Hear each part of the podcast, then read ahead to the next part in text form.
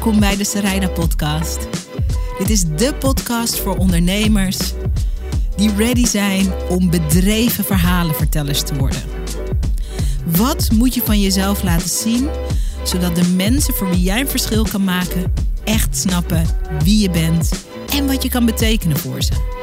Dat is waar ik je mee inspireer in deze podcast. Simpele tips, tools, inspiratie en ik zet je aan het werk. Leuk dat je er bent. Je kijkt naar de Sarayda podcast. En dit is de allereerste opname dat we in onze nieuwe studio zitten. Vanaf nu ook niet alleen audio, maar beeld ook bij de podcast. En de Sarayda podcast gaat erover dat je tips, tools, inzichten en verhalen krijgt. En uh, gasten leert kennen die je helpen om met zelfvertrouwen zichtbaar te worden. Maar onze gast vandaag gaat ons laten zien dat het niet alleen gaat over met zelfvertrouwen zichtbaar worden. Maar dat ondernemen gewoon gaat over met zelfvertrouwen keuzes maken, soms moeilijke keuzes, in niet ideale omstandigheden. En wat ik hoop dat je meeneemt uit deze podcast, is dat je waar je ook staat, in welke fase van je ondernemerschap je ook bent, dat je altijd een moeilijke keuze kan maken om het leven en je business makkelijker te laten gaan. Vandaag bij mij te gast Wendy, Wendy Kersens. Wendy, um, om jou te introduceren met vijf wapenfeitjes. Jij bent een ondernemer die op, de hoogte, op het hoogtepunt van je uh, eerdere bedrijf. Je had een agency, al de grote der aarde als het ging om online marketing. Uh, online marketeers die kwamen bij jou, namen diensten bij jou af. Ja. Op het hoogtepunt zei je: hier ga ik mee stoppen. En dat zei je terwijl je uh, best veel verantwoordelijkheid hebt. Je bent een single co-ouderende moeder. Je bent ook een podcast host. Hè? Je hebt je eigen podcast. De Lead in Drive. De Drive Lead. Oh, help de Lead Drive in de podcast. Lead Drive in podcast. Ja. Um, wij kennen elkaar omdat uh, uh, ik was ook een van die klanten in jouw oude bureau. En nu werken wij opnieuw samen. Daar gaan we het over hebben. Ja. Um, ik vind jou een genie op het gebied van all things lead generation, all things uh, marketing. En ook Jij helpt mij en het bedrijf om steeds met één been in de toekomst te ondernemen. Dat is een hele coole skill. Um, en als gekke extra wapenfeitjes, jij bent uh, iemand die op haar vijftiende uh, kampioen was in Nederland op het gebied van hand handbal. En we mogen je in de nacht wakker maken voor uh, 90s muziek. Dat is je guilty pleasure. Mm -hmm. Leuk dat je in de show bent. Wel grappig hè, dat we hier zo zitten. Wij, ja, zitten ja, ja. Voor, wij zitten dus voor je beeldvorming. Ik denk dat wij misschien wel, nou niet elke dag, maar wij bellen echt heel vaak. Het begint altijd over business, maar het wijdt altijd uit naar van alles. Over het leven. Over het leven. En ik vind het super cool uh, dat je er bent. Ook omdat um, wij werkten eerder samen. Je had een agency, jij deed Facebook advertenties, Instagram advertenties en dat liep heel goed. Daar ja. ben je mee gestopt, daarover zo meer. Ja. In 2021 zat ik in een meditatie aan het begin van het jaar en ik vroeg aan het universum: wat zijn nou drie dingen die ik kan doen om van dit businessjaar een onvergetelijk businessjaar te maken. En een van de dingen die me binnenviel was bel Wendy. Weet je dat eigenlijk? Dat dat zo is gegaan bij mij? Nee, dat weet ik eigenlijk niet. Nee. Dat je dacht, nee, dat nee. je dat hebt gedacht. Ik kan me nog wel het moment herinneren dat je belde. Ja, maar, uh, oh wat ja. grappig. Ja. Jij bent toen uh, bij ons aangehaakt als uh, adviseur en ook als, jij bent onze launch manager. En 2021 is het jaar dat wij echt um, in één jaar bijna een miljoen euro omzet draaiden. En dat had ook heel veel te maken met dat jij aan boord was gekomen. Dus voor de mensen die denken, Wendy, Wendy. Ik heb ook een beetje het gevoel dat, dat ik je ook een beetje samen met de rest van Nederland hoor. Maar ik heb je een beetje ontdekt ook. En uh, ik hoop dat naar aanleiding van deze podcast meer mensen je ontdekken. Voor mij was dat een goede keuze. Samenwerking begonnen. We zijn er allebei heel tevreden mee. Ik geloof erin dat in de toekomst die samenwerking ook nog meer vorm krijgt. Maar voordat het zover was, uh, werkten we ook eerder al samen. Ja. In jouw, uh, een van jouw eerdere bedrijven. Dat liep als een trein, draaide een geweldige omzet. Uh, de smaakmakers van Online Nederland wilden en waren jouw klant. Wilden jouw klant zijn, waren jouw klant. En toen besloot je, terwijl je ook de verantwoordelijkheid hebt uh, als single co-ouderende moeder. Hè, dan, ik, ik heb diezelfde situatie. Dan ben je verantwoordelijk voor jouw stuk van het gezin als kostwinner. Ja. Dat, is een, dat is een enorme druk ook. Ja, ja. Maar jij besloot om dat goed lopende bedrijf stop te zetten. Om daarmee te kappen. Weet je nog het moment dat je dat besluit nam? Waar je was en hoe dat voelde? Ja, ik, ik weet het nog heel erg goed. Ehm, en het is ook best wel een uh, intens uh, verhaal. Ik was, uh, ik was op de intensive care, op de gang van de intensive care. Mm. En dat was omdat mijn moeder daar lag. Die had een hersenbloeding gehad. En eigenlijk plotseling uit het leven ja, weggerukt. En ik zat daar op die gang en ik dacht echt, het leven is echt zo voorbij. Ik wil dit niet meer. Ik wil niet meer zo leven. En dat zo leven was. Uh, ik had op dat moment uh, drie vrouwen personeel uh, fulltime in dienst. Had inderdaad fantastische klanten, maar altijd aan. Altijd grote campagnes aan van tienduizenden euro's. Altijd die verantwoording. Mm. Um, altijd uh, ja, die eh, payroll die betaald moest worden. Het ging hartstikke goed trouwens hoor. Het ging helemaal voor de wind. Uh, maar toch die verantwoording daarvan die uh, op je schouders drukt. Mm. En ik voelde daar dat ik dacht... Dit is niet mijn bestemming in het leven... dat dit zo doorgroeit naar zes, tien mensen in dienst. Ja, ja. Ik voelde dat zo sterk... Mm. dat ik echt dacht van... nee, dit is niet mijn pad. En waar ik ontzettend van genoot, ook in mijn bureau. En uh, waarvan ik ook geloof dat dat het succes uh, heeft gebracht. Is het stuk dat wij ook strategisch adviseerden. Ja, ja, ja, ja. En dat is, ja, daar gaat mijn hart echt gewoon sneller van kloppen. Dus ik wist nog helemaal niet wat ik ging doen of hoe. Maar ik voelde op dat moment, ik heb space nodig. Dit is niet meer wat ik wil. Uh, op dat moment uh, was het ook nog in de coronatijd. Uh, het bedrijf ging door het dak. Maar ik dacht, nee, ik, ik trek gewoon de stekker uit. Ik zie het wel. Ik vertrouw, ik vertrouw op de toekomst. Ja. En ja, ik trek de stekker eruit. Oké, hier zitten zoveel dingen in. Ik wil ook overal induiken. Want iedereen die deze podcast kijkt of luistert... heeft die momenten gehad. Dit klopt niet voor mij. Dit ben ik niet meer. Want op enig moment was je het. Heel weinig mensen luisteren daarnaar. Want de mind, het ratio, zegt: ja, maar, ja, maar hoor eens. Ja, maar de hypotheek. Ja, maar uh, uh, um, de kinderen. Ja, maar uh, het personeel. Ja, maar de klanten. Er zijn natuurlijk een enorme lijst die je kan maken. Van ook goed klinkende, misschien ook mm -hmm. logische redenen. Ja. Om zo'n moment, zo'n intuïtief moment voorbij te laten gaan. Dus daar wil ik ook even in duiken van wat. wat um, ik, ik, ik, ik trek de stekker uit en wat gebeurt dan? Hoe voelde dit moment? Was het een opluchting? Joeg het je angst aan? Was het, wat, voor soort, wat, voor soort emotie, wat voor soort emotie zat erin? Ja, de keuze zelf was heel bevrijdend. Um, maar direct kwamen ook al die dingen die jij net noemt. Van, oh, mijn klant, uh, dit. Dat kwam me wel achteraan. Van, ja. Ik voelde heel sterk maar ik moet wel goed voor mijn klanten zorgen. Oh, ja. Dus dat kwam er wel direct achteraan. Maar het, is een, het was toch een soort van oerweten. En als ik nu terugkijk, heeft dat er echt wel mee te maken dat ik. Um, kijk, je moeder zit ook in de moederlijn, zeg maar. Um, ik heb vanaf mijn scheiding, waar we het straks ongetwijfeld dat het er nog even naar voren komt, um, uh, ben ik ook op mezelf teruggeworpen geweest. En heb ik mijn uh, zeg maar vrouwelijke energie veel meer ontwikkeld. Ben ik daar veel meer in gaan hangen. En dat is nu, uh, ja, op zo'n moment dat je moeder wegvalt, voelde ik ook zo sterk van, uh, ja, pass it on en je mag het doorgeven. En ik voelde die energie gewoon sterk. Gewoon echt, ja, ik noem het dan de essentie van het leven. Mm -hmm. En dat vind ik zo mooi aan die slechte momenten, zeg maar, en die heftige momenten. Ik voel dan super puur wat ik wil. Ja, ja, interesting. Kijk, je noemt een aantal dingen waarvan ik ook weet dat mensen denken: de wat, de wat, de moederlijn, de vrouwlijn. Ja, ja, ja. Daar gaan we zo induiken. Um, altijd als ik uh, dit soort interviews voorbereid, dan praat ik, behalve dat ik nu met jou praat, praat ook met mensen om mijn gast heen. Om een vollediger beeld te krijgen van wie ben je nou in essentie. Dus ik, als jij het met jou goedkeuren, wil ik het straks ook hebben over, over je moeder. En over wat je van haar leerde. En over hoe zij in het leven stond en hoe jij in het leven staat. Want ik denk dat je daar, daar hint je nu op. Wat ik interessant vind, nog heel even terug naar dat moment, is dat um, voor mensen die daar misschien niet zoveel verstand van hebben, als je een advertentiebureau hebt waarin je uh, Facebook en uh, Instagram ads draait, dan is dat niet zo van: uh, oké, jongens, we gaan 5000 euro in Facebook advertenties steken.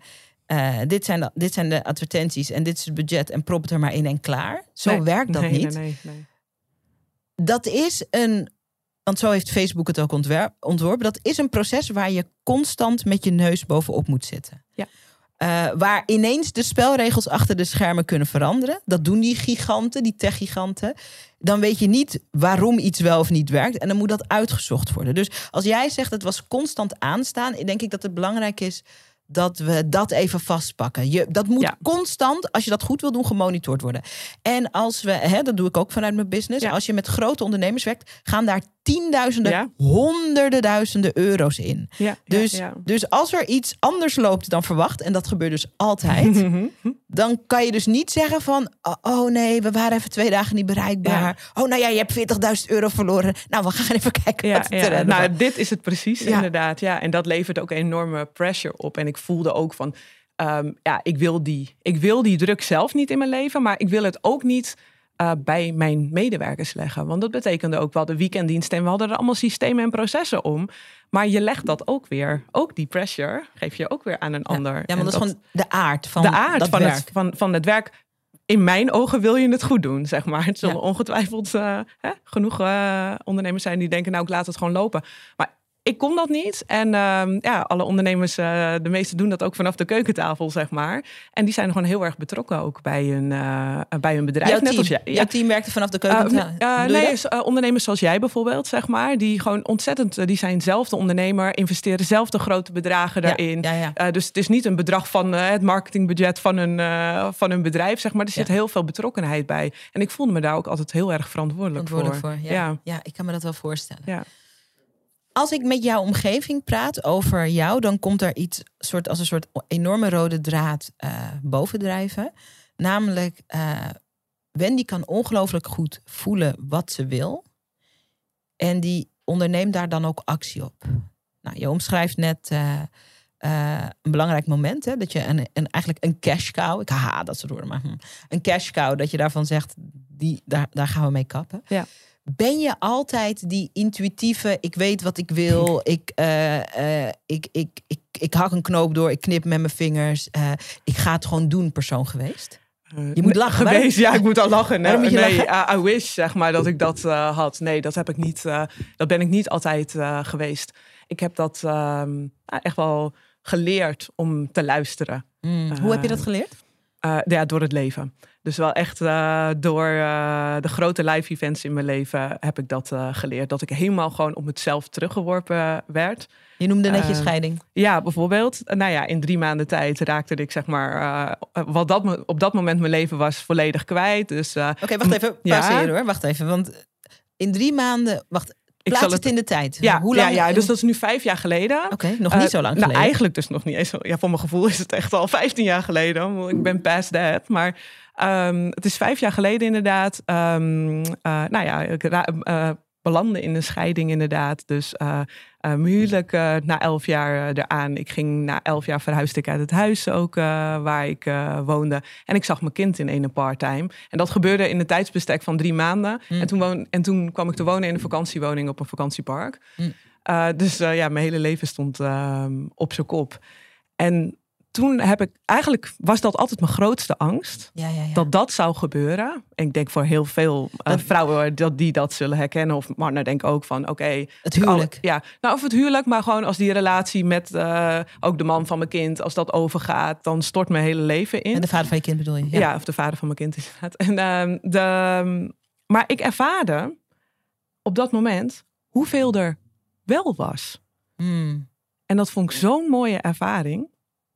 Dus hm. maar ik lag helemaal overhoop. Mhm. Maar ik kreeg op dat moment zoveel liefde. Van wie? Nou, van uh, mijn vrienden, van mijn familie.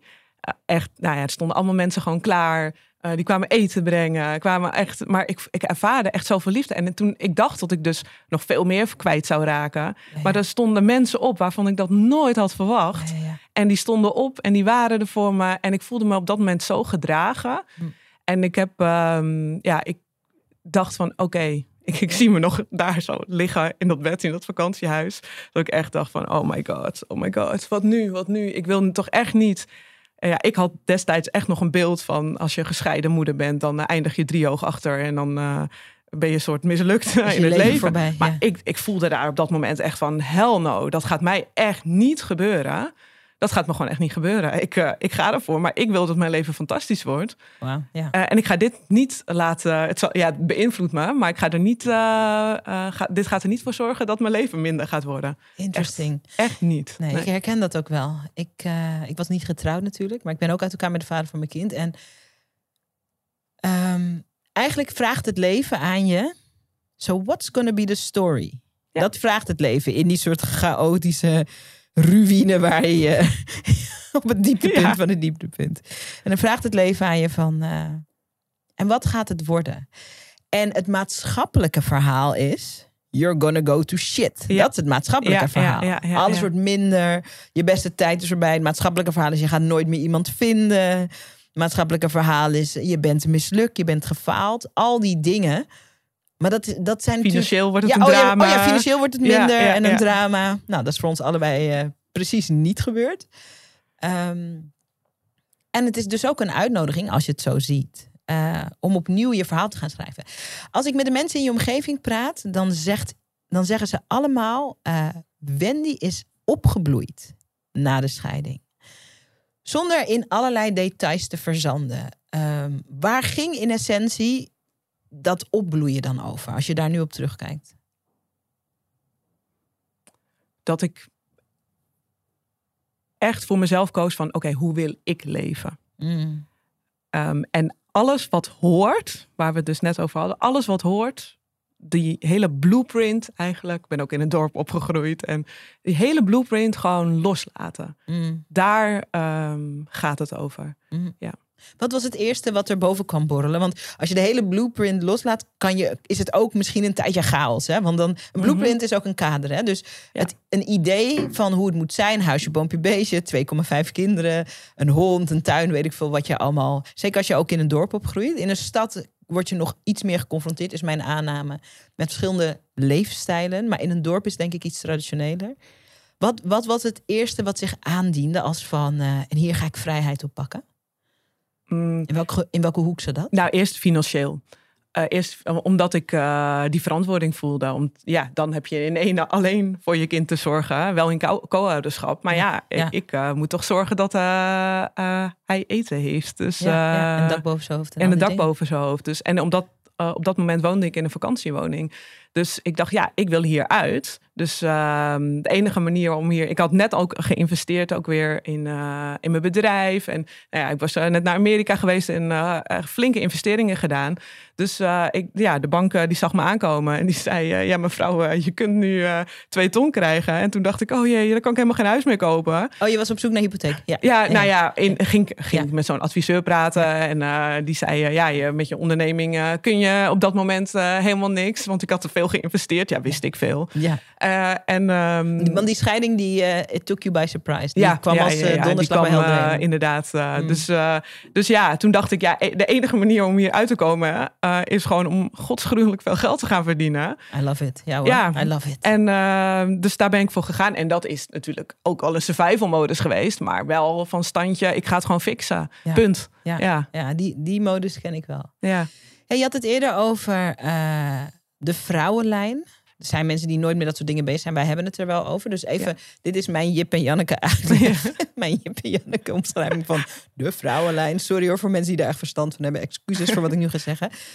Ehm, ik geloof erin dat ehm, bepaalde elementen, bepaalde karakteristieke eigenschappen, bepaalde kundigheid, bepaalde zienswijze, dat je dat niet alleen uh, leert. Dus mijn moeder heeft dingen van haar moeder geleerd.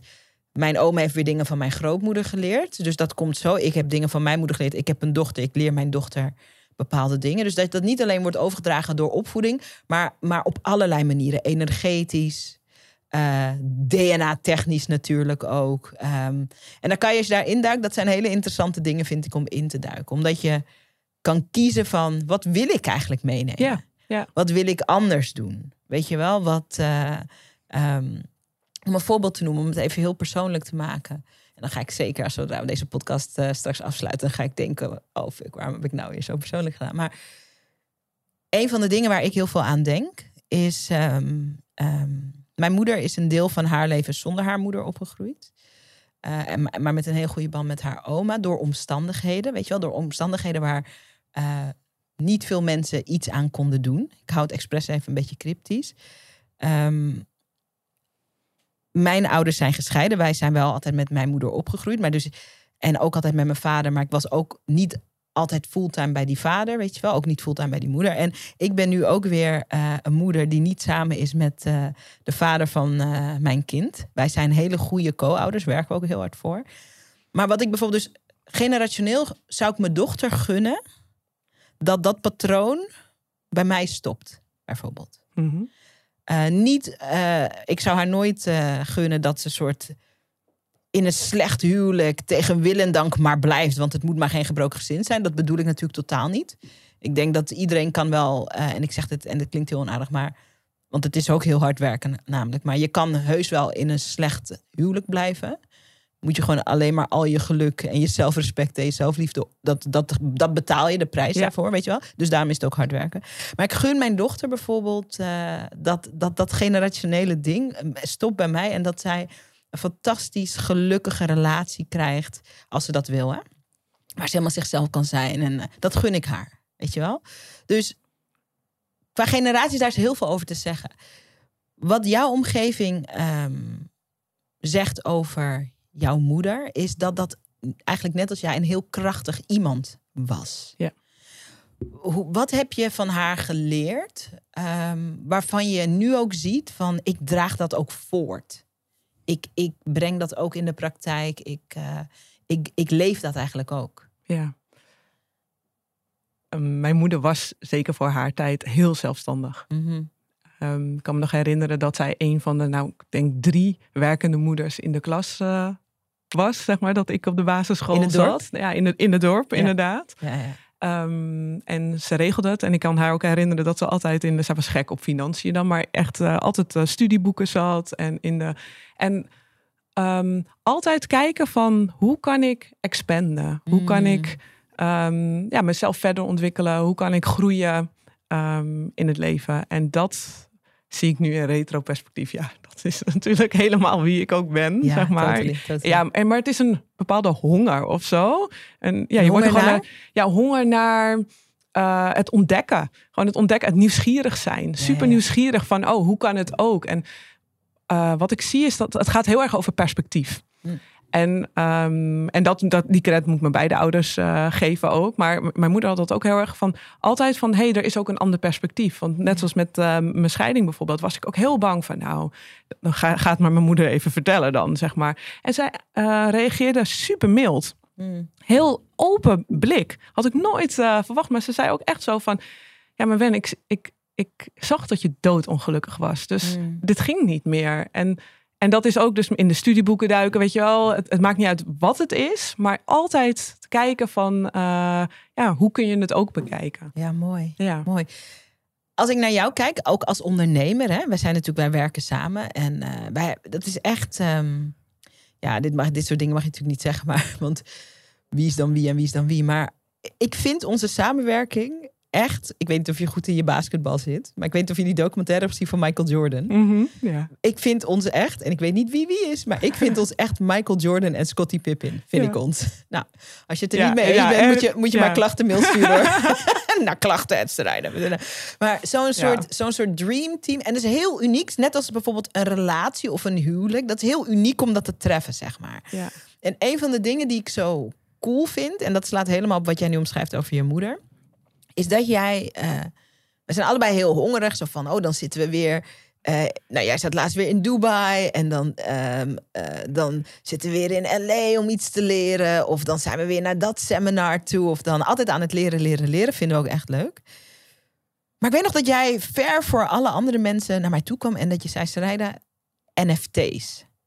En ik wist in die tijd helemaal niet wat dat was. Het kan zijn als je nu zit te kijken dat je denkt, of zit te luisteren, dat je denkt, ik weet nog steeds niet wat NFT's is. We gaan daar even niet helemaal in Nee, duiken. nee, nee. Maar eh, er zijn mensen die zeggen dat NFT's de toekomst van zeg maar ongeveer alles is. Het internet. De manier waarop we. eh, het- de toekomst van eh, intellectueel eigendom. Het is eh, huge. En wij waren eh, op een soort eh, eh, vriendinnentripje in Milaan. En toen zaten we bij een lekkere Italiaan te eten. En toen zei ik, Wendy, leg me dan uit wat die NFT's zijn. Een dik bord pasta stond daar te, Ja. te dampen. En wij met die pasta. En jij helemaal uitleggen. En toen gingen we brainstormen over wat in mijn bedrijf die NFT's zouden kunnen doen. En hoe we onze klanten en onze community zouden kunnen verrijken daarmee. En dat vind ik typisch Wendy. Dat vind ik typisch Wendy. En, ehm, en ik kan me ook voorstellen dat er heel veel mensen zijn die regelmatig denken: waar heeft ze het over? Ja. Is het op een bepaalde manier? Kijk, je moeder was heel zelfstandig, jij bent ook zelfstandig, vooruitstrevend. Eh, is dat ook eenzaam? Mm, heb ik me wel regelmatig gevoeld, maar inmiddels niet meer. Oké. Ehm, het is een kwestie van de juiste tribe om je heen verzamelen. Hm. En daarop vertrouwen. En dus vertrouwen op jezelf. Maar ook, eh, nou ja, je hebt het over onze fantastische samenwerking. Ehm, en vertrouwen dat er ook mensen voor jou zijn. Ehm, dus eenzaam. eh, ik heb me wel eens eh, regelmatig eh, gek gevoeld, zeg maar. Dat ik dacht van, oh, ik ben echt een gekkie, weet je wel. Echt, en waarom dan normaal. precies? Omdat je die dingen leuk Ja, vindt. omdat ik dan die dingen zie, zeg maar. En die dingen leuk vind. En dan denk ik, ja, oh, je moet daar wat mee doen. Of, en, Ja. Ehm, maar dat vraagt wel aan de andere kant dat ik dus zeg maar met eh, mensen hang, noem ik het zo maar, die dat kunnen ontvangen. Ja. Want anders slaat het dood, zeg maar. En dan zeg je, jeetje, waar heb je het in godsnaam over? En dat vind ik zo leuk aan onze samenwerking. Eh, jij waardeert dat zo. Dus ik kan gewoon eh 100% mezelf zijn en dat naar jou toe gooien. Eh, we hebben het nu over NFT's, maar dat kan ook gewoon iets Of in de business zijn, zijn, ja. eh, met de marketing of whatever. Of zo van, "Sa, dit moet je niet doen, of weet je wel. En dan gaan we er gewoon het gesprek over aan, waardoor er een perspectief ontstaat, Ja, zeg maar. En dat, ja, ehm, dus ja, ik heb me daar wel eenzaam in gevoeld, maar het wordt steeds minder, omdat ik steeds meer ook zie dat er zoveel andere gekkies zijn. Welcome to my crazy Ja, tribe. maar dus, eh, Ja. en dat is heel Ja. fijn. En dat is natuurlijk ook met de ondernemersjaren gekomen. Dat Ja, ik dat eh, heb ontdekt. Eh, In het begin eh, heb je dat nog niet. En Nee. Hoe je verzamel onder- je dat? Want ik weet dat er mensen zitten te kijken en te luisteren die denken: ik ben dus nog wel op, op het plekje van waar, waar zijn al mijn gekkies? Wat, wat zijn hele praktische, simpele dingen die je kan doen om je tribe, je gelijkgestemden om je, om je heen te verzamelen? Ja, als ik nu terugdenk, vooral in de eerste ondernemersjaren, dan wist ik dat natuurlijk ook niet. Dus Nee. het eh, is vooral die eerste ondernemersjaren gaan. Ja. Gaan, En zoveel investeren, mogelijk. vind ik. Ja, investeren. Want dat is inderdaad, dat investeren. Je brengt me nu inderdaad ook op een punt. Ehm, ik heb ook eh, vanaf het begin al ehm, nou ja, of het lef gehad om. Ik weet nog dat ik het zo spannend vond. Maar dat ik dacht, ik ga naar een congres in Amerika. Want ik zag het en dacht ik, ja, daar begrijpen ze me. En eh, nou, ik weet dat die hele trip met 10.000 euro eh, kostte. En dacht ik echt, jeetje, wat ga ik doen? Echt in het begin van mijn ondernemerschap. Ja, maar nog ik niet dacht, zoveel verdiend. ja, helemaal niet. En toen dacht ik, nou, ik eh, ga daar, ik, ik moet daar gewoon heen. Dus ehm, en ehm, je- ik investeerde daarin, ging daarheen. En wat, wat er gebeurt is dat je daar dan op een plek komt, überhaupt al met mensen die A, net zo gek zijn van marketing. Maar er was ook een hele groep nou, Nederlandse ondernemers, waaronder jij. Ja. Want daar hebben we elkaar ook nog. Ja, ja, daar hebben we elkaar voor het eh, eerst echt goed gesproken. Ja, ja, ja. ja, En daar- uiteindelijk werd ik toen ook jouw klant later. Ja, Ja, ik was toen ja. zwanger, weet je dat nog? Ja, ja, ja, ja, Ik ja. Ik weet dat je nog helemaal zo inderdaad in slaap was gevallen. Ja, ja, ja, ja. Ik was daar naartoe gevlogen. En het is me nooit gelukt om op het tijdritme te komen. ik werd de hele dag om vier uur s'nachts wakker. Ik dacht, ah, is er een, is er een sessie? Ik heb echt alles gemist bijna daar. Ja. Maar wij hebben wel een keer samen gegeten. toen. Ja, dus nou ja, en dat is dus gewoon echt een fantastisch eh, voorbeeld van dat door dus die stap te nemen, hebben wij daar gegeten. Want jij zei, oké Ben, laten we eten. Dus we hebben daar gegeten, leerden we elkaar beter kennen en zo eh, Eigenlijk is, is daar ontstaan. ja, zeg die maar. hele Dus- jarenlange samenwerking Ja, ontstaan. Maar dat geldt, eh, nou ja, geldt voor heel veel eh, eh, ondernemers die nou ja, daar destijds heen gingen. Ehm, dus ik heb eigenlijk gewoon wel naar mezelf geluisterd van... Hey, wat maakt mij echt blij? Waar wil ik heen? Waar... Dus ik heb eigenlijk gewoon mijn honger ben ik gewoon gaan volgen. Mooi, I love Ehm, that. En, opschrijven. ehm, en, en dan, als je dat dus volgt, ja, ontmoet je daar like-minded people. Ja, ja. En dat is wel, ik merkte dat meer en meer, dat ik, ehm, ja, naarmate ik dat dan meer deed, eh, ja, dan die groep eh, groter werd eh, Ja. om me heen. Ja. Maar dit is zo, en nog heel even over dat, dat investeren. En dan vind ik het nog wel leuk om je te vragen van... heb je wel eens samenwerkingen waar, waar je toch de gekkie blijft... en waar die connectie niet tot stand komt? Dus daar wil ik zo meteen toe. Wat jij nu zegt is zo de diepere kern... en waar mensen die bijvoorbeeld heel ondernemers... ik het zijn, niet mensen, maar ja, menselijke ondernemers. Maar waar, en met name vrouwelijke ondernemers zich zo onwijs op verkijken. Die gaan een investering doen voor bijvoorbeeld ehm, een online training of een coach of een, of een congres of een seminar of een, of een retreat of whatever.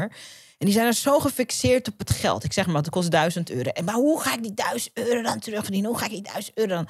Helemaal soort tunnelvisie op dat geld. Ik snap het. Ik snap het. Ik ben net als jij, voordat ik iets had verdiend in mijn business, had ik gewoon 2000 euro had ik een online programma gekocht. En alle mensen waarmee die klanten werden en waar ik samenwerking mee, die zaten in die community. Ja. Dat kostte nul moeite gewoon. Ja. Maar die fixatie op hoe ga ik het terugverdienen en, en, dat, en dat die misvatting van dat je dan in je ivoren toren moet gaan ontdekken hoe je dat terugverdient, is zo niet hoe ondernemerschap werkt. Het komt altijd door de mensen. Het geld komt je leven binnen door de mensen. De, door, maar als je zo gefixeerd bent en je angst van je moet die duizend of die 2000, whatever, terugverdienen, dan, kan je, dan heb je niet die open blik van: hé, hey, hey, je komt ook in Nederland, hé, hey, wat leuk, hé, hey, waarom ben jij hier? Die ontspanning. Ja, dat. En denk ook wel dat online ondernemen daar ook nog weer aan bijdraagt. Van, oh, dan kan ik het lekker vanaf mijn keukentafel en zo uh, doen. Uh, dan gaat het allemaal lekker makkelijk en dan stroomt het geld binnen. Maar het gaat natuurlijk nog steeds over verbinding. verbinding. En, en die vind je inderdaad alleen maar als je erop uitgaat. en dat vind ik wel echt een onderschat iets wel dat, um, dat uiteindelijk dus zeg maar je netwerk. En als je zegt netwerk, ja, dan moeten mensen vaak aan van die zakelijke vreselijke borrels denken. Borrels, maar ik heb ben, heel vaak heb ik wel nagedacht van oké, wat heeft dan uh, dat succes gebracht? Uh, zeg maar. maar dat is toch wel die verbinding geweest met Like Minded People. En waar ontmoette ik ze? Ja, op masterminds, op uh, inderdaad congressen. En dan was het, ging ik inderdaad een mastermind, maar dan wel uh, exclusieve masterminds waar ik dan heen ging. Ja. Uh, ik ben niet helemaal voor de massa gemaakt. Nee, maar dan, um, en dan was het daar, hoefde ik alleen maar met mensen te spreken. Ja, en, en soms dacht ik echt van, hoe, jeetje, wat makkelijk gaat het. Maar gewoon het feit dat ik er ook in had geïnvesteerd, Tuurlijk, daarin daar was het. het. al gewoon van, oh ja, you're my cup of tea. Dus uh, ik wil met jou werken. Ja. En dan, ik kwam gewoon iedere keer weer met nieuwe accounts, zeg maar, nieuwe klanten weer terug. En dat ik dacht, ja, oké, het kan gewoon zo. Ja, totally. En, en het is, want wij noemen nu fysieke communities. Het kunnen ook online communities zijn. Absoluut, ik had, absoluut. Ja. Ik investeerde in een online programma toen uh, van een Amerikaanse business coach. Er zaten ook wel, eh, ik denk, honderd Nederlandse ondernemers in die community. was een heel grote community. Waaronder uh, Simone Levy, nou, heel succesvol online ondernemer. Simone Levy die deelde in die community, die deelde haar succes. En wat er gebeurde was dat er heel veel mensen onder zaten te katten van nou wij voelen ons onzeker en, en echt, echt gemierenneuk. Ik dacht alleen maar, wat cool. En doordat zij de proces deelde, het was zoiets kleins hè. Ehm, ze zei, ja, ik heb lesmodule 2 geïmplementeerd en ik ben meteen dit gaan doen. En zij deelde dat gewoon en ik deelde ook in die community. En ik dacht, hey, je hoeft, je hoeft niet de hele opleiding eerst af te maken om te implementeren. Nee. Dat was voor mij huge, want ik was net ondernemer. Hè? Nu in mijn Video Business School leren we mensen, dat is ook een slogan, leer en implementeer. Kijk een lesmodule, implementeer. Want het is geen school en het hoeft allemaal niet perfect. En het is geen, het is geen tentamen. Nee, Dit nee. is je actual life met je actual business. Leren, implementeren. Ik zag allemaal mensen katten op haar. Ja, we voelen ons onzeker als jij zo je succes etaleert. Het gaat natuurlijk ook over zichtbaarheid. Kan ook je perspectief zijn, over perspectief gesproken. Wel heel verlammend perspectief. Want eigenlijk zeg je tegen succes: uh, Ik voel me super oncomfortabel bij jou. En dan zegt succes terug: Oké, dan kom ik toch niet bij ja, jou bezoek. Niet bij jou, ja, ja, ja, I think that's great. Ik zei tegen haar: Wat doe Dit is super tof. Dit is super tof. We een keer een kop koffie drinken? We kennen elkaar helemaal niet. Kop koffie gedronken is van alles uit voortgekomen. Samenwerking. Zij deed een suggestie. Ze zegt, ik wil eigenlijk video's leren maken voor jou. Dat was het begin van Video Business School. Nou, daar zijn miljoenen euro's doorheen gevloeid. Ja, ja, ja. Uh, aan fijne samenwerkingen met klanten. Uh, ik kwam op een event van haar spreken. Uh, nou, van alles. Ja, maar het is zo co-creatie. Gewoon samen dat dan ja. vanuit en, vertrouwen dat er gewoon neerzetten en elkaar aanmoedigen. En, ja. en als mensen die verhalen horen, dan zeggen ze: Nou, dan had jij een geluk. Maar alle succesvolle ondernemers hebben zulke verhalen. Ja. Ja. En dan gaat het gewoon over: kom uit je ivoren toren met al je perfectionisme en je idee van hoe het moet ontstaan. Let it go. En kom uit je schulp en verbind je met mensen. En wees op plekken waar het de moeite waard is om te verbinden. Daar moet je gewoon in investeren. Ja, ja, ja. Dat gezegd hebbende. Soms gaat het ook wel eens anders. Je hebt een hele specifieke kijk. Ik waardeer die enorm. Uh, de ondernemers waarmee je werkt, uh, die waarderen dat. Maar maak je ook wel eens mee dat je samenwerking aangaat waarin dat, uh, die magie helemaal geen space krijgt? Bijna niet meer, omdat ik de voorselectie en de poort heel streng heb, zeg maar. Hoe doe je dat? Hoe doe ik dat? Um, kijk, door al die jaren weet ik inmiddels van welk type ondernemer goed bij me past. Ik ga heel goed op creatieve ondernemers die gewoon uh, ja, vooral snel gaan. Uh, die gewoon nou, knetterhard vooruit willen. Nou ja, jij bent er een mooi voorbeeld uh, van. Lekker Messi. Ja, ja maar ja. lekker ja, Messi in een bepaalde way. Maar je hebt wel een hele duidelijke visie. Dus ja, een hele wel, duidelijke visie, maar wel Messi, maar wel echt te komen opdagen en, uh, en heel groots denken. Dus dat weet ik al. Ik zit al in de online space. Ik weet al dat, nou, ik werk wel voor mannen en vrouwen, maar over zeg maar 80% is uh, vrouw. Ja, ja. Dus ik weet al van het zijn het zijn pioniers. Ja, dus mooi. dat is wel voor mij uh, de voorwaarde. Het gaat nog wel eens uh, mis, maar dat wordt steeds minder. En dat is vooral als ik op dat moment zelf even niet op een lekkere plek zat. Dat ik ook eventjes, ik ben ook gewoon een mens, dat ik even in mindere energie zat. En dan lukt dat niet. Maar dan stop ik het weer.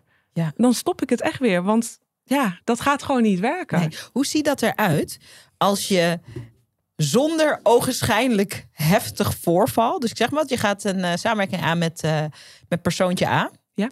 Uh, geen drama, er gaat nog niks mis. Maar de, de klik is er niet, of het werkt niet, of, of je vindt het niet leuk. Wat voor heel veel mensen nog helemaal geen reden is om iets te stoppen. Hè? Nee. De meeste mensen buffelen maar gewoon voort. Loondienststijl. You don't like it. Niet dat alle loondienst zo is, dat bedoel ik helemaal niet. Maar dat is een van de dingen, vind ik, die je als ondernemer moet afleren. Dat ja. fucking doorbuffelen. Ja, ja, nee. Nee, maar dat... Nee. Ik, nee, nee. nee. Doen veel mensen wel. Mhm. En ik doe dat natuurlijk ook wel eens. Ik bedoel, ik, ja, Allemaal, dat is, ja, tuurlijk, ik bedoel, het is gewoon ook uh, menselijk. Maar het is wel belangrijk om bewustzijn op te hebben. Maar hoe ziet dat eruit? Er is eigenlijk niks vervelends voorgevallen. Want dat hoeft dus, het hoeft niet zo ver Nee. te komen. En jij voelt gewoon, dit is toch niet mijn tribe, is niet mijn plek. Je krijgt misschien hartstikke goed betaald voor zo'n samenwerking. Hoe, hoe agendeer je dat dan? Um, nou, dan is het eigenlijk eerst gewoon een uh, appje van... hey, ik wil graag even een afspraak met je maken... omdat uh, een aantal dingen niet goed voor me voelen. En dat stuur ik gewoon uit. En, Ja, ja. ja, en dan zie ik wel wat er ontstaat. En dan vertrouw ik gewoon op de uitkomst. Uh, ja, wat daaruit gaat komen. En in zo'n samenwerking dan daarvoor, dan voel ik gewoon dat ik super hard, zeg maar, echt aan het werk ben en dat mijn energie er niet op zit en dat ik, dat zullen velen denk ik herkennen, dat je eigenlijk geen zin hebt om dat werk voor die klant, zeg maar, te doen Ja. en dat dat dan achteraan blijft en als iemand misschien belt, dat je denkt, Oh, ah, ja, ja, die belt, zeg maar, in plaats van, oh, leuk, weet je wel, en zin hebt om op te nemen. Dus uh, zo uitzicht dat dan. En um, ja, ik ben daar toch wel uh, gewoon dat gesprek uh, erover aangegaan. En dat heb ik wel geleerd ook echt in mijn agency. Dat uh, je het altijd ook gewoon voor moet zijn. Want het gaat hoe dan ook, gaat het ergens mis. Op het moment dat je voelt, het werkt niet, Ja. is het al niet aan het werken. Dan, ja, dan is het al niet meer aan het... Klopt, precies dat. ja, en dan gaat het... En dat heb ik echt ook de hard way geleerd. Um, dat er inderdaad ook accounts bij ons kwamen. En dat het nou ja, bijvoorbeeld uh, inderdaad naar, naar een medewerker Ja, ging. En die uh, net uh, begon. En dan had ik te vroeg, zeg maar, had ik diegene nog niet genoeg ingewerkt. En dan, nou, dan, dan kwam er bijvoorbeeld gedoe, weet je wel. En als je dan niet ingrijpt Ja. of niet het gesprek zelf aangaat. Je moet altijd gewoon zorgen dat je 1-0 voor staat, zeg maar. dus dan, of, zo kon het dan, of als uh, tweede, dat ik bij de intake al voelde, nou zeker van, hmm, gaat het niet worden. Zeker in de tijd dat ik zat in die Facebook ads, was het natuurlijk, uh, oh ik ga snel rijk worden en... Uh, uh, dat, of dat ze zeiden, ja, je bent al het vijfde adbureau. En dat ik al dacht, oh, alle red flags. Ja. Maar ja, soms op een gegeven moment ook drie meiden zitten inderdaad. En dan da- kon ik ook wel eens denken van... Uh, ja, moet even nou ja, bij. ik moet gewoon even wat omzet erbij. Dat is lekker, want we hadden Ja. net targets gesteld. En dacht ik, er moet even omzet bij. Nou, echt altijd, vroeg of laat, altijd gezeik.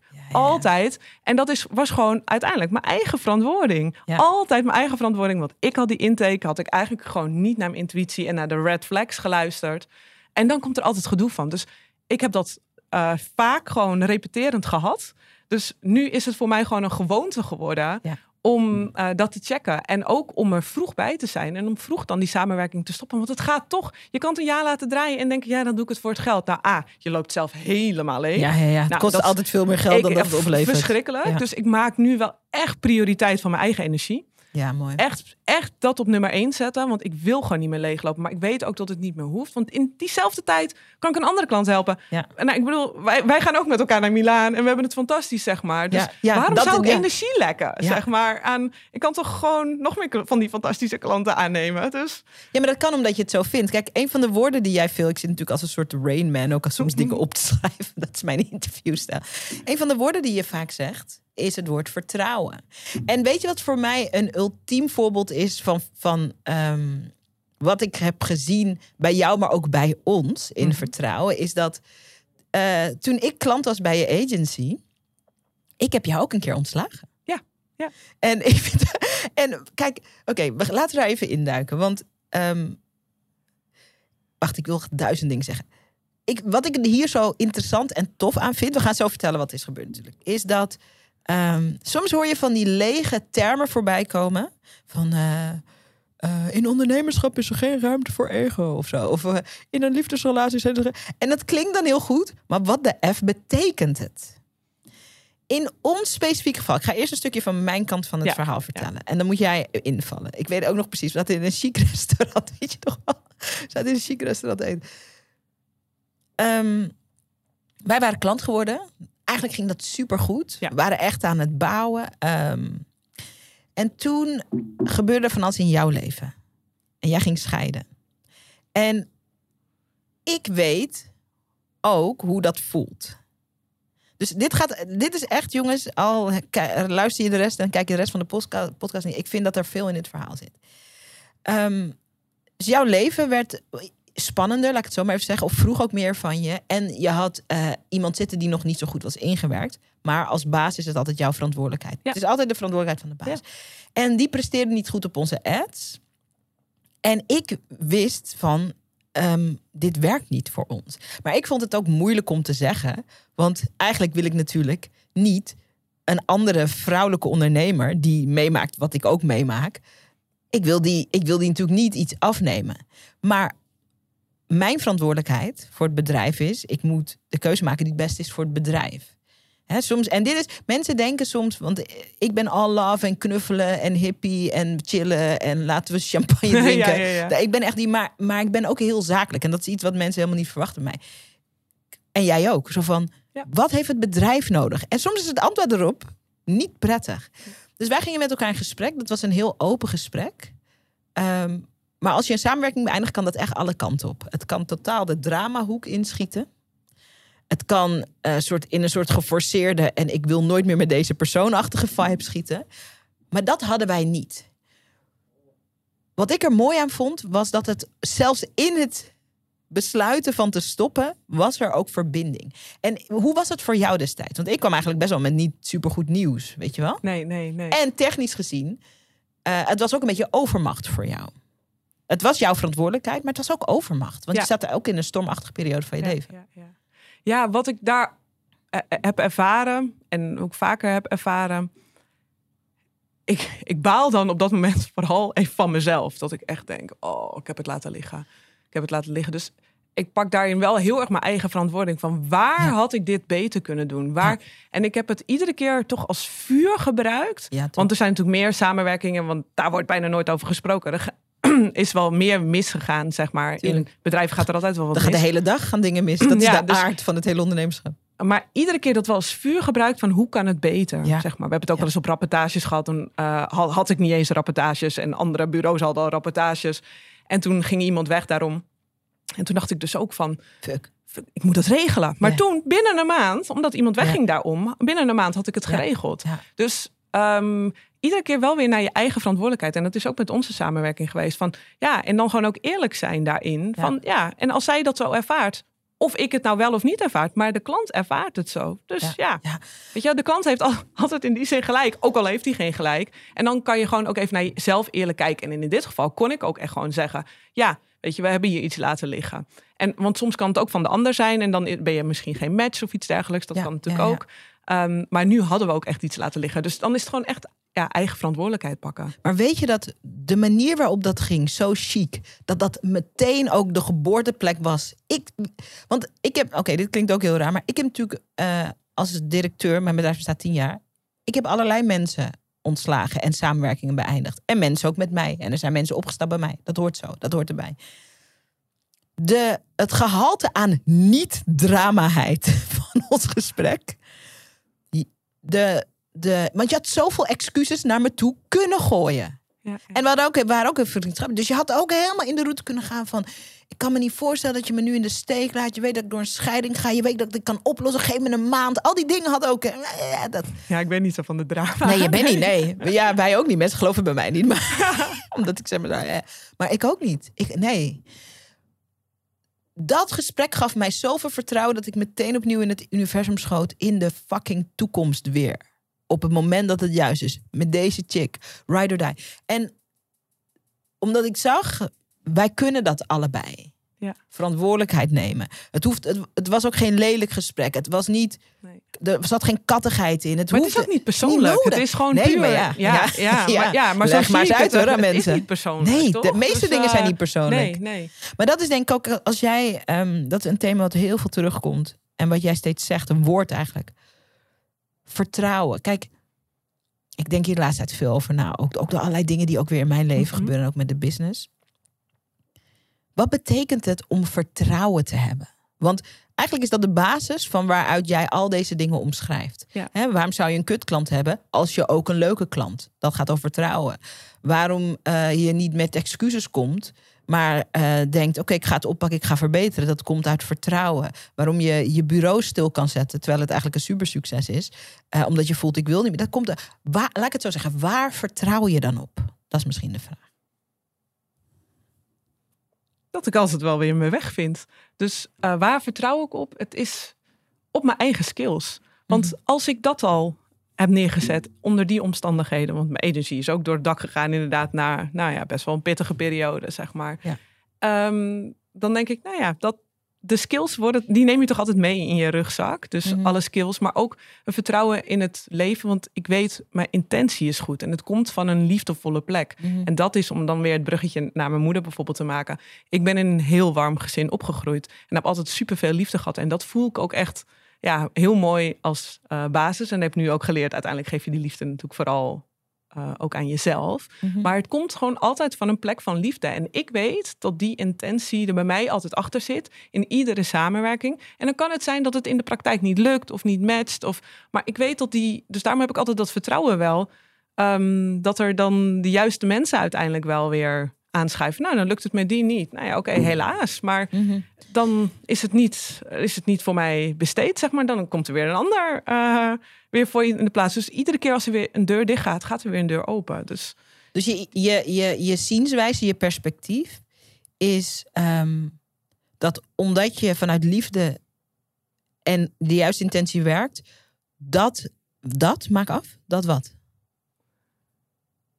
Dat, um, dan vind je altijd wel, ja, vind je altijd wel weer je weg. Is dus, um, dan zit er altijd groeien in, dan zit er ontwikkel je je altijd. Mhm. Mm -hmm. Ja, en dan komt het leven eigenlijk naar je toe. Mm, mooi. Dus dan that. ontstaat het. En dat is iets. Ja, ja, ja. Ik kom ook echt van een plek van controle en perfectionisme. En, dat kan ik me bijna niet meer voorstellen. Nee, kan nee, maar ik weet het ook nog heel goed. Heel veel grip. En ik heb er ook wel wat workarounds uh, omheen. Uh, maar daar ben ik dus echt totaal in geshift.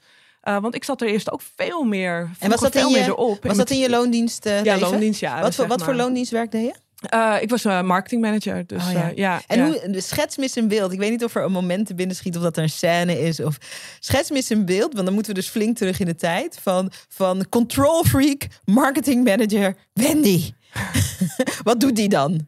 Hoe zit die erin? Control freak. Um, nou, al, alle details gewoon echt alles regelen. Tot ieder werd ik echt. Ik uh, organiseerde ook een uh, tijd bijvoorbeeld events voor het behoud van uh, abonnees en dergelijke. En alle details regelen. En ik kon niet, zoals ik nu wel kan, gewoon vertrouwen van. Weet je, ook al is het niet perfect, het komt allemaal wel goed. Het komt Mm. allemaal wel goed, vindt wel weg. Al hangt daar geen bordje op die deur, dan, maar ik kon helemaal gek worden als er dan inderdaad, weet ik veel, een detail als de bewegwijzering zeg maar eh, niet goed stond, dan werd ik al helemaal crazy. En wat deed je dan? Begon je dan te schreeuwen? nee, niet, nee, niet te schreeuwen, maar dan, uh, ik, dat moest gewoon geregeld worden. En vaak was ik dan zelf gewoon de pisang, want dan stond ik zelf weer iets te printen. gewoon, oké, totaal uh, niet wat ik zou moeten doen natuurlijk oh, ja. als marketingmanager. Team, maar, blijf maar links Ja, maar dan dacht ik, ik ga het regelen. Ja, want natuurlijk super roofbouw op jezelf aan het plegen. Ja, ook dus, niet goed voor het team. Nee, het is voor niemand goed nee. natuurlijk. Nee. Dus uh, nee. nee.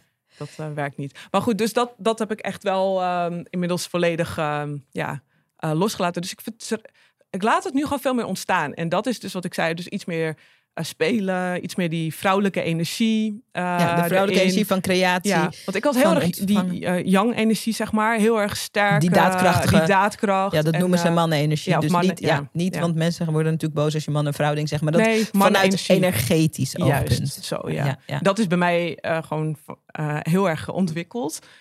En nu laat ik meer de andere kant, zeg maar de yin-kant, meer toe. Veel meer de zachte kant. En, en ik zie dat dat me voor veel beter werkt. Gewoon. werkt ja. En dan kan ik gewoon lekker... Ik wil gewoon lekker spelen en fladderen. En nu ook, onze samenwerking nu ook, is echt...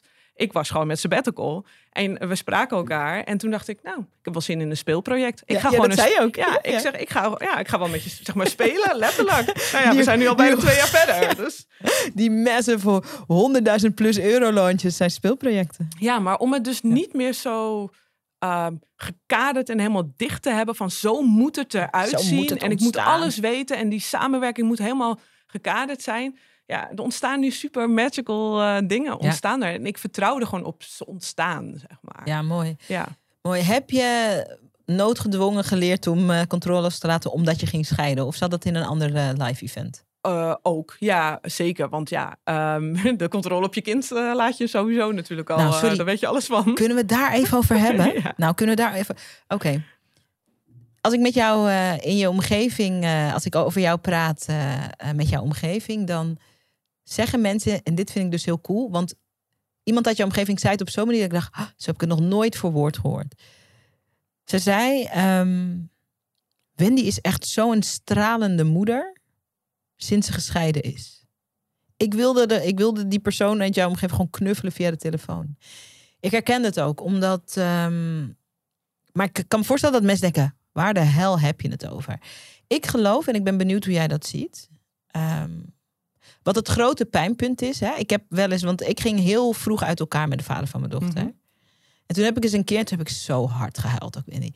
Ik had dus gewoon geturfd op de, op, de, op de kalender hoeveel dagen ik mijn kind niet zag. Want wij zijn co-ouders, nu jullie ook. En dat waren toen 180 dagen in het Ja, jaar. ja. Oh, toen moest ik bijna over mijn nek. Ja. Ik mis de helft van haar leven. Toen was ik echt verdrietig. Had ik er een stukje over geschreven. Komt vast nog wel in een, keer in een boek ergens. En daarna vroeg ik aan mezelf: wat ga ik met die andere 180 dagen doen? How can we make it fun? Nou, dat. En dat heeft voor mij heel veel verschil gemaakt. Als jouw omgeving zegt: Wendy is een stralende moeder sinds ze gescheiden is, wat bedoelen ze dan? Ik Nee, en, niet, en niet dat je daarvoor geen stralende moeder was, maar Nee, dat nee, het nee. zo opvalt. Ja, maar ik heb wel echt een hele bewuste keuze gemaakt. Want het is precies waar wat je zegt. Maar ik wilde ook daarbij niet dat het me eh, de rest van mijn leven ging beïnvloeden. Want kon niks meer aan dat feit veranderen dat er co-ouderschap was. En ik Ja. ben echt, eh, ik ben super blij dat het co-ouderschap is. Want ik bedoel, eh, hè, een eh, vader in zijn leven heeft hij ook heel hard nodig. Tuurlijk, absoluut. En ehm, eh, dus dat, het was gewoon een feit. Maar dan kun je weer kiezen, hoe ga je om met die andere dagen? En ik, ben, ik weet me echt nog, ik heb echt heel bewust gekozen. Als hij bij mij is, op de dagen dat hij bij me is, is hij mijn prioriteit. En dat betekende, want ja, dan heb ik hem om het weekend, zeg maar. Het ene weekend wel, het andere weekend niet.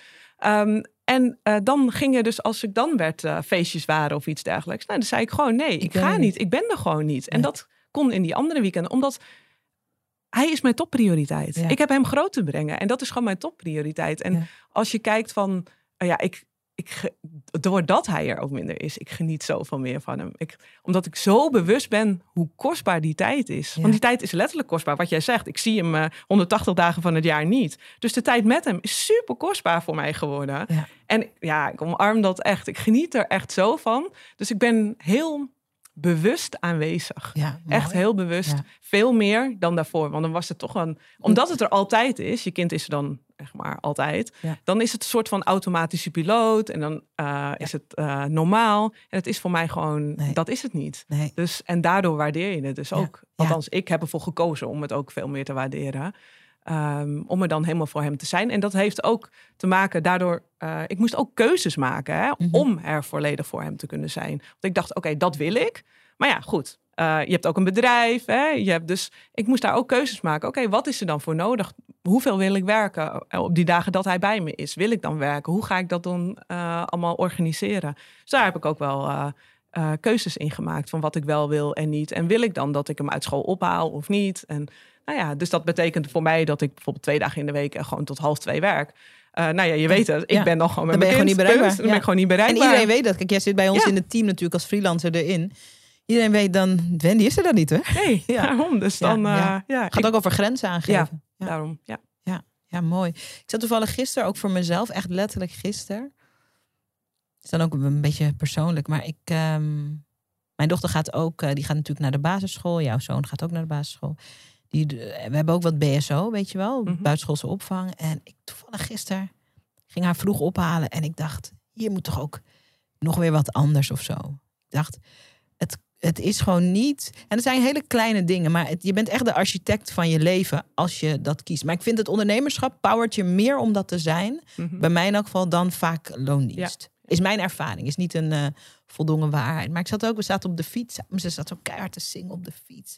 We gingen naar een speeltuin, die zei heel leuk. Vond het als lekker weer en alles. En ik dacht, nee, maar meer van dit. Meer van dit. Gingen we pizza eten daarna, super gezellig. En ik dacht, nee, meer van dit. En dan ga ik toch weer helemaal terug naar de tekentafel met mijn agenda. En, en in de praktijk betekent dat bijvoorbeeld dat we dus iets in het bedrijf, bijvoorbeeld of niet meer gaan doen, of dat er extra hulp bij moet in het bedrijf, of dat er privé extra hulp bij Ja. moet. Ik zeg maar wat, eh, een extra dag schoonmaakster of extra dag een huishoudster. Je maakt het zoals het, je het wil hebben.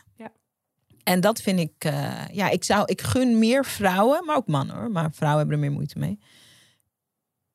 Dat, dat je snapt dat je dat gewoon mag maken. Mhm. Je kunt er zelf voor kiezen. Ja. Ik heb bijvoorbeeld één keer in de twee weken, ik heb inmiddels een samengesteld gezin en één keer in de twee weken even met z'n vijven in een eh, appartement. Nou, dan is het één grote eh, chaos. En ik eh, kies ervoor om dat gewoon helemaal te laten dat weekend. Want ik denk, heerlijk, het is kinderweekend, het is chaosweekend. Maar ik heb wel op maandagochtend de schoonmaakster geregeld. Tuurlijk. En die komt inderdaad wat extra, want we hebben dan natuurlijk ook veel grotere bergen was en zo. En die heb ik ook inderdaad, eh, ik dacht, jeetje, iedere keer denk ik, ja, ik heb daar helemaal geen zin in. Nee, Uh, en dus up, kun je een paar uurtjes extra inderdaad. Gewoon, Ja. Het zijn soms simpele dingen. die veel uitmaken. Ja, maar die uh, veel uitmaken. En wat je zegt, veel vrouwen hoor ik dan toch van ja, nou ja. En dan denk ik, ja, nou, ik betaal liever 15 euro Ja, Dan, uh, uh, dan dat ik zelf weer die was sta te doen met volle tegenzin. Of, uh, Elke keer weer. Iedere keer weer, hè? Ja. Ja, ja. Maar daardoor kan ik ook makkelijker van het weekend genieten. Dus door die keuze, zeg maar.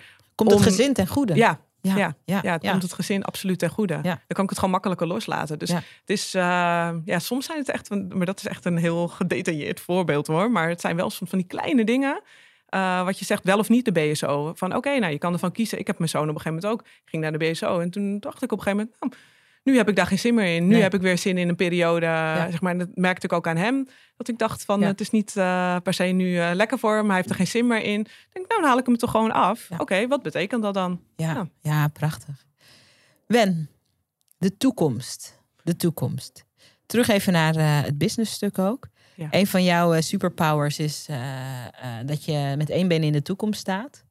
Ehm, en de ondernemers die met jou werken, die kunnen daarin mee. Of ik ben ook iemand die met één been in, dus dan kunnen we lekker brainstormen daarover. Je zegt echt dingen waarvan ik denk, oh, daar heb ik echt nog nooit over nagedacht. Wat een goede suggestie. Ga ik meteen mee aan de gang.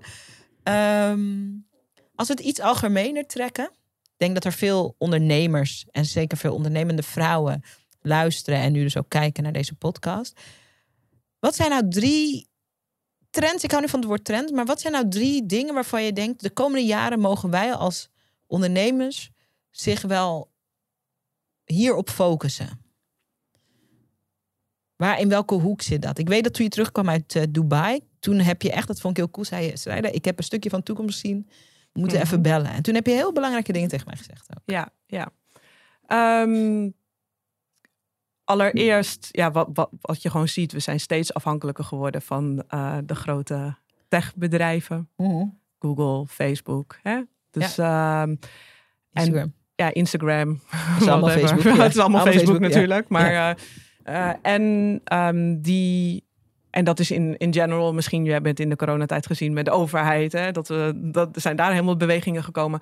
Maar uiteindelijk gaat het over van oké, zorg dan marketingwijs dan voor je eigen data. Zorg voor dat je zelf je eigen boontjes kunt doppen. En dat is eigenlijk in de breedste zin van het woord. Ook dit gesprek gaat hier natuurlijk ook heel erg over.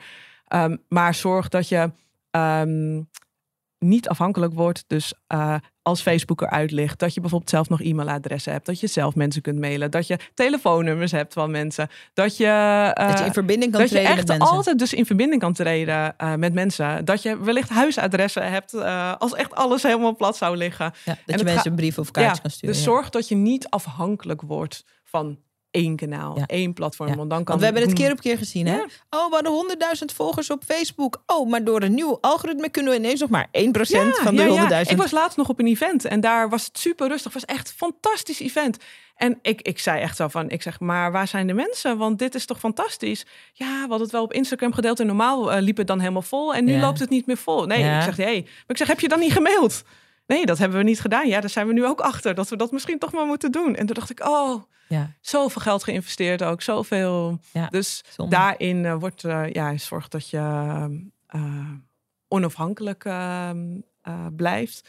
Um, ja, wat je, um, als je kijkt ook naar de toekomst, de, um, nou, de kosten, zeg maar, om nieuwe. Dit is wel natuurlijk echt wel in marketingtaal, hè? Want daar verzand ik natuurlijk weer in. Um, de kosten, zeg maar, om een nieuwe lead binnen te krijgen, dus een e-mailadres te krijgen, of om nieuwe klanten eigenlijk binnen te krijgen, ja. die, ja, die groeien enorm. Ja, even als ik. ik ja, duid het maar even, want ja, ik ga natuurlijk helemaal in mijn nerdtaal. Dus, uh. als we en ik met z'n twee zijn, dan gaan we echt diep in. Uh, ja. En nog veel erger dan dit hoor, dat je het weet. Maar um, ik denk bij heel veel struggelende ondernemers is de misvatting er dat het zeg maar geen tijd, nog geld, nog moeite kost om klanten aan te trekken. Ja. Dat je gewoon een heel goede website moet hebben en dan komt het naar je toe als soort Mozes naar de berg kwam. Is niet zo. Um, het kost geld en energie om mensen te vertellen: hallo, ik ben hier en ik kan iets voor je betekenen. De mensen die naar jou toe komen, die eventueel je klanten worden, dat zijn je leads.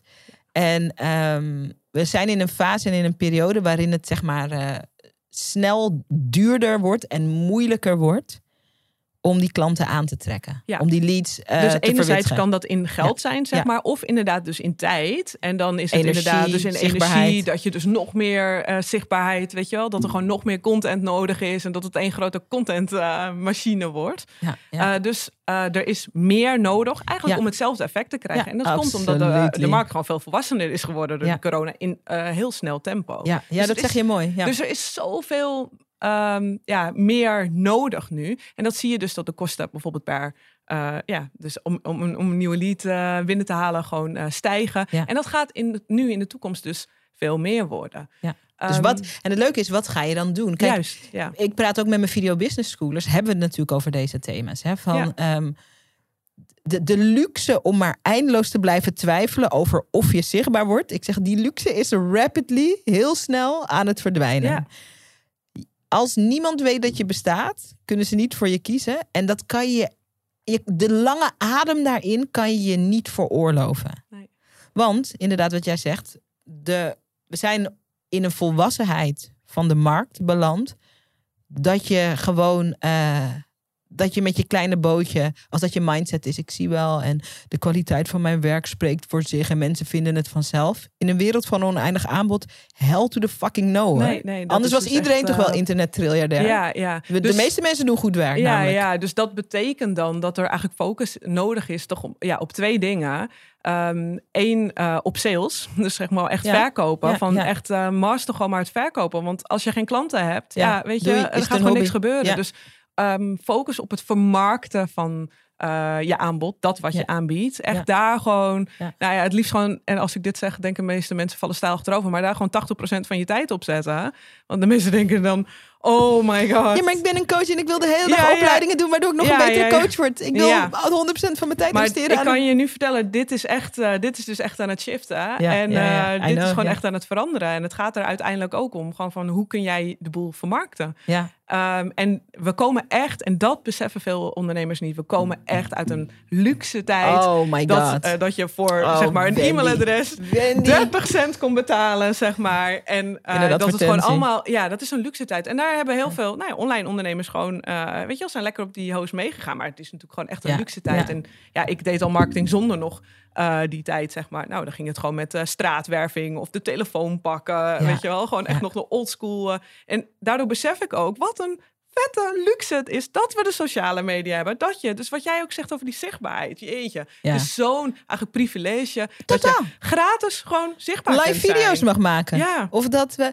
Nou ja, maar het is echt zo. En daarna, want we blijven erin. Ja, hoor. Maar, ehm, kijk, jij en ik gaan ook eh, regelmatig naar Amerika. Of in elk geval tot en met corona ging ik heel regelmatig. Nu, Ja. nu is dat natuurlijk. eh, heeft, een beetje, ja. ja. heeft een beetje stilgelegen en alles. Maar die hele discussie van of je zichtbaar wordt, is nul aan de orde in Amerika. Amerika is natuurlijk een, in die zin op het online ondernemerschap een, een markt die verder in de volwassenheid is. Ja. Iedereen, dus ik zat daar in een mastermind. Iedereen maakte live video's. Iedereen had een eigen podcast. Iedereen had een nieuwsbrief. Iedereen had zus. Iedereen had zo. zo het was Niemand miept daarover. Niemand Nee, nee, daarover. nee. Het is gewoon, dit Are is you gewoon kidding nodig. me? Om Dat is echt zo alsof Ja, je... Nou, ja, ik wil... Dit is mijn sportauto. Ik zit er echt over te twijfelen. Zal ik die vierde band erbij doen? ja. Het is een Ferrari. Ja, hij heeft een vierde en als band je nodig. niet eh, van houdt, ja, maar ik weet niet hoor. Ik denk dat ik met drie banden ook. Ik wil ook niet overdrijven. Het is levensgevaarlijk om een auto met drie banden te draaien. Net zoals dat het business levensgevaarlijk is om een fantastisch product te hebben. Maar geen enkele manier om mensen daarvan te verwittigen. Ja. En geen enkele manier om mensen klant te laten Ja. worden. Ja, word dan maar gewoon geen ondernemer. You're gonna dat- crash into the wall. Net als die auto met die Maar drie dat banden. gaat zo en nu staan we ook weer, nou ja, is het al recessie of we staan ervoor, zeg maar. Dat gaat zo direct in de sneltreinvaart. Ja, ja. Gaan ze crashen, inderdaad. En, dat, en daarom, om dat te voorkomen, eh, zorg dat je daar dus focus op hebt. Echt zorg dat je focus op hebt op dat verkopen. En voor de ondernemers nou, die verder zijn, überhaupt, oh, ehm, voor hen geldt ook. eh, focus op verkopen, maar ook het tweede, focus zeg maar op winstmarge. Dus, want als je. Wat hou je over? Wat hou je over onderaan de streep? Dus eh, als, die- ja, als je meer overhoudt onderaan de streep, kun je ook weer meer terug investeren. Dus dan, ja, dat is zo'n Ja. cirkel die draait. Ik doe het dus, niet met eh, geld, want ik wil gewoon dat iedereen helpen en zo. Ja. I get it. En also, je gaat het niet redden, want het geld... En dat, kijk, zo, mensen denken soms, en daarna gaan we afsluiten... Dus mijn bedrijf heeft vorig jaar eh, bijna een miljoen euro omzet gedraaid... en over de gehele linie al een paar miljoen. Dat staat echt niet... er staan echt niet tien eh, sportwagens in mijn nee, driveway. nee. En er staat echt niet een miljoen euro op mijn bankrekening hoor. Ik, daar komt een prachtig salaris uit. Daar zijn wat buffertjes. En voor de rest zit het allemaal in de herinvestering van een bedrijf. juist, het is een machine. bedrijf. Net als Ja. dat je. Ja, maar net als dat je een auto moet blijven tanken. Maar ik heb al een keer getankt. Ja, surprise. Ja, de tank is weer leeg. Daarom. En je mag, moet hem gewoon blijven tanken. ja. En uiteindelijk is het degene zeg maar, die het meest kan nou ja, Tanken? spenden, tanken. Ja, die het meest kan tanken. Die komt het verst. En Ja, zo, ja, dat is eigenlijk een hele, ja, in marketingland dan een bekende wet, zeg maar. Maar het is wel zo. ja. Dus het is ook. Ik hoorde Zorg dat gisteren. je lekker ver, eh, ja, veel kan tanken. Ja. Ik hoorde gisteren echt zo'n goede uitspraak van eh, een mastermind waar ik ook in zit. Dat is ook een Amerikaanse, maar die is online.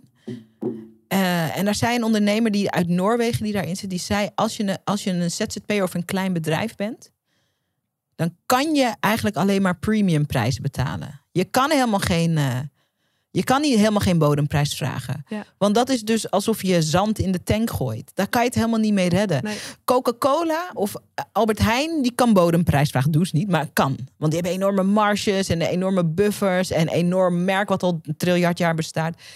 Als je een ZZP'er bent of als je een kleine ondernemer bent, kan je het je niet veroorloven om niet premium te gaan. En ik vond dat zo helder omschreven. Ja, ik dacht, ja, ja, je hebt gelijk. En dat gaat nu dus, dat is Gaat dus blijken. dat gaat dus nu nog meer worden. Ja. Want je gaat het gewoon niet meer redden. Nee. Nee.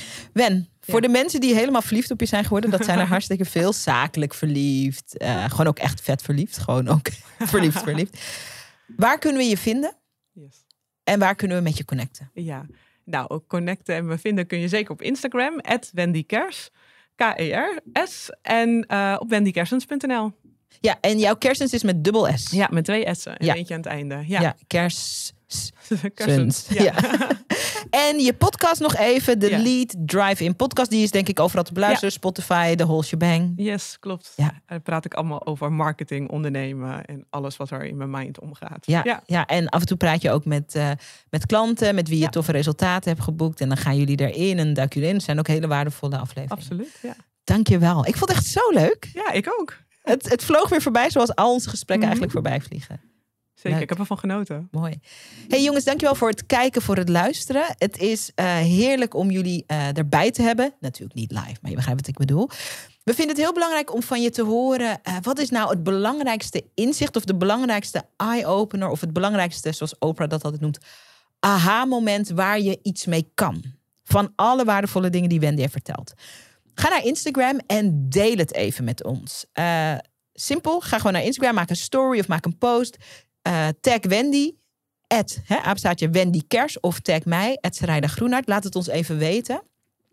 En mocht je nog 20 seconden van je tijd hebben, laat ook even eh, een review achter. Een review, ik zei review, een review. een review. Laat even een review achter eh, om te laten weten eh, ehm, wat je van de podcast vindt. En hoe meer reviews je achterlaat, hoe meer mensen deze podcast kunnen ontdekken. En ik maak hem met liefde. En er zit best wel waardevolle informatie in zo nu en dan. Dus eh, laten we elkaar dat gunnen. Dat kan op Apple Music, kan dat. Eh, dat kan op allerlei platformen. Maar laat even een bloedeerlijke eh, review achter. Dank voor het kijken. Ik sla tegen mijn microfoon. Dank voor het kijken en tot een volgende podcastaflevering van de Sarayda Podcast. Super tof dat je hebt geluisterd naar de podcast. Dankjewel. Hey, en als je een mooi inzicht hebt of iets wat je even met me wilt delen naar aanleiding van de podcast, check me op Instagram. Ik heet daar Sarayda Groenhart. En laat even een berichtje achter met wat je uit deze podcast hebt gehaald. Ik vind het altijd leuk om met je te connecten. Zie ik je daar?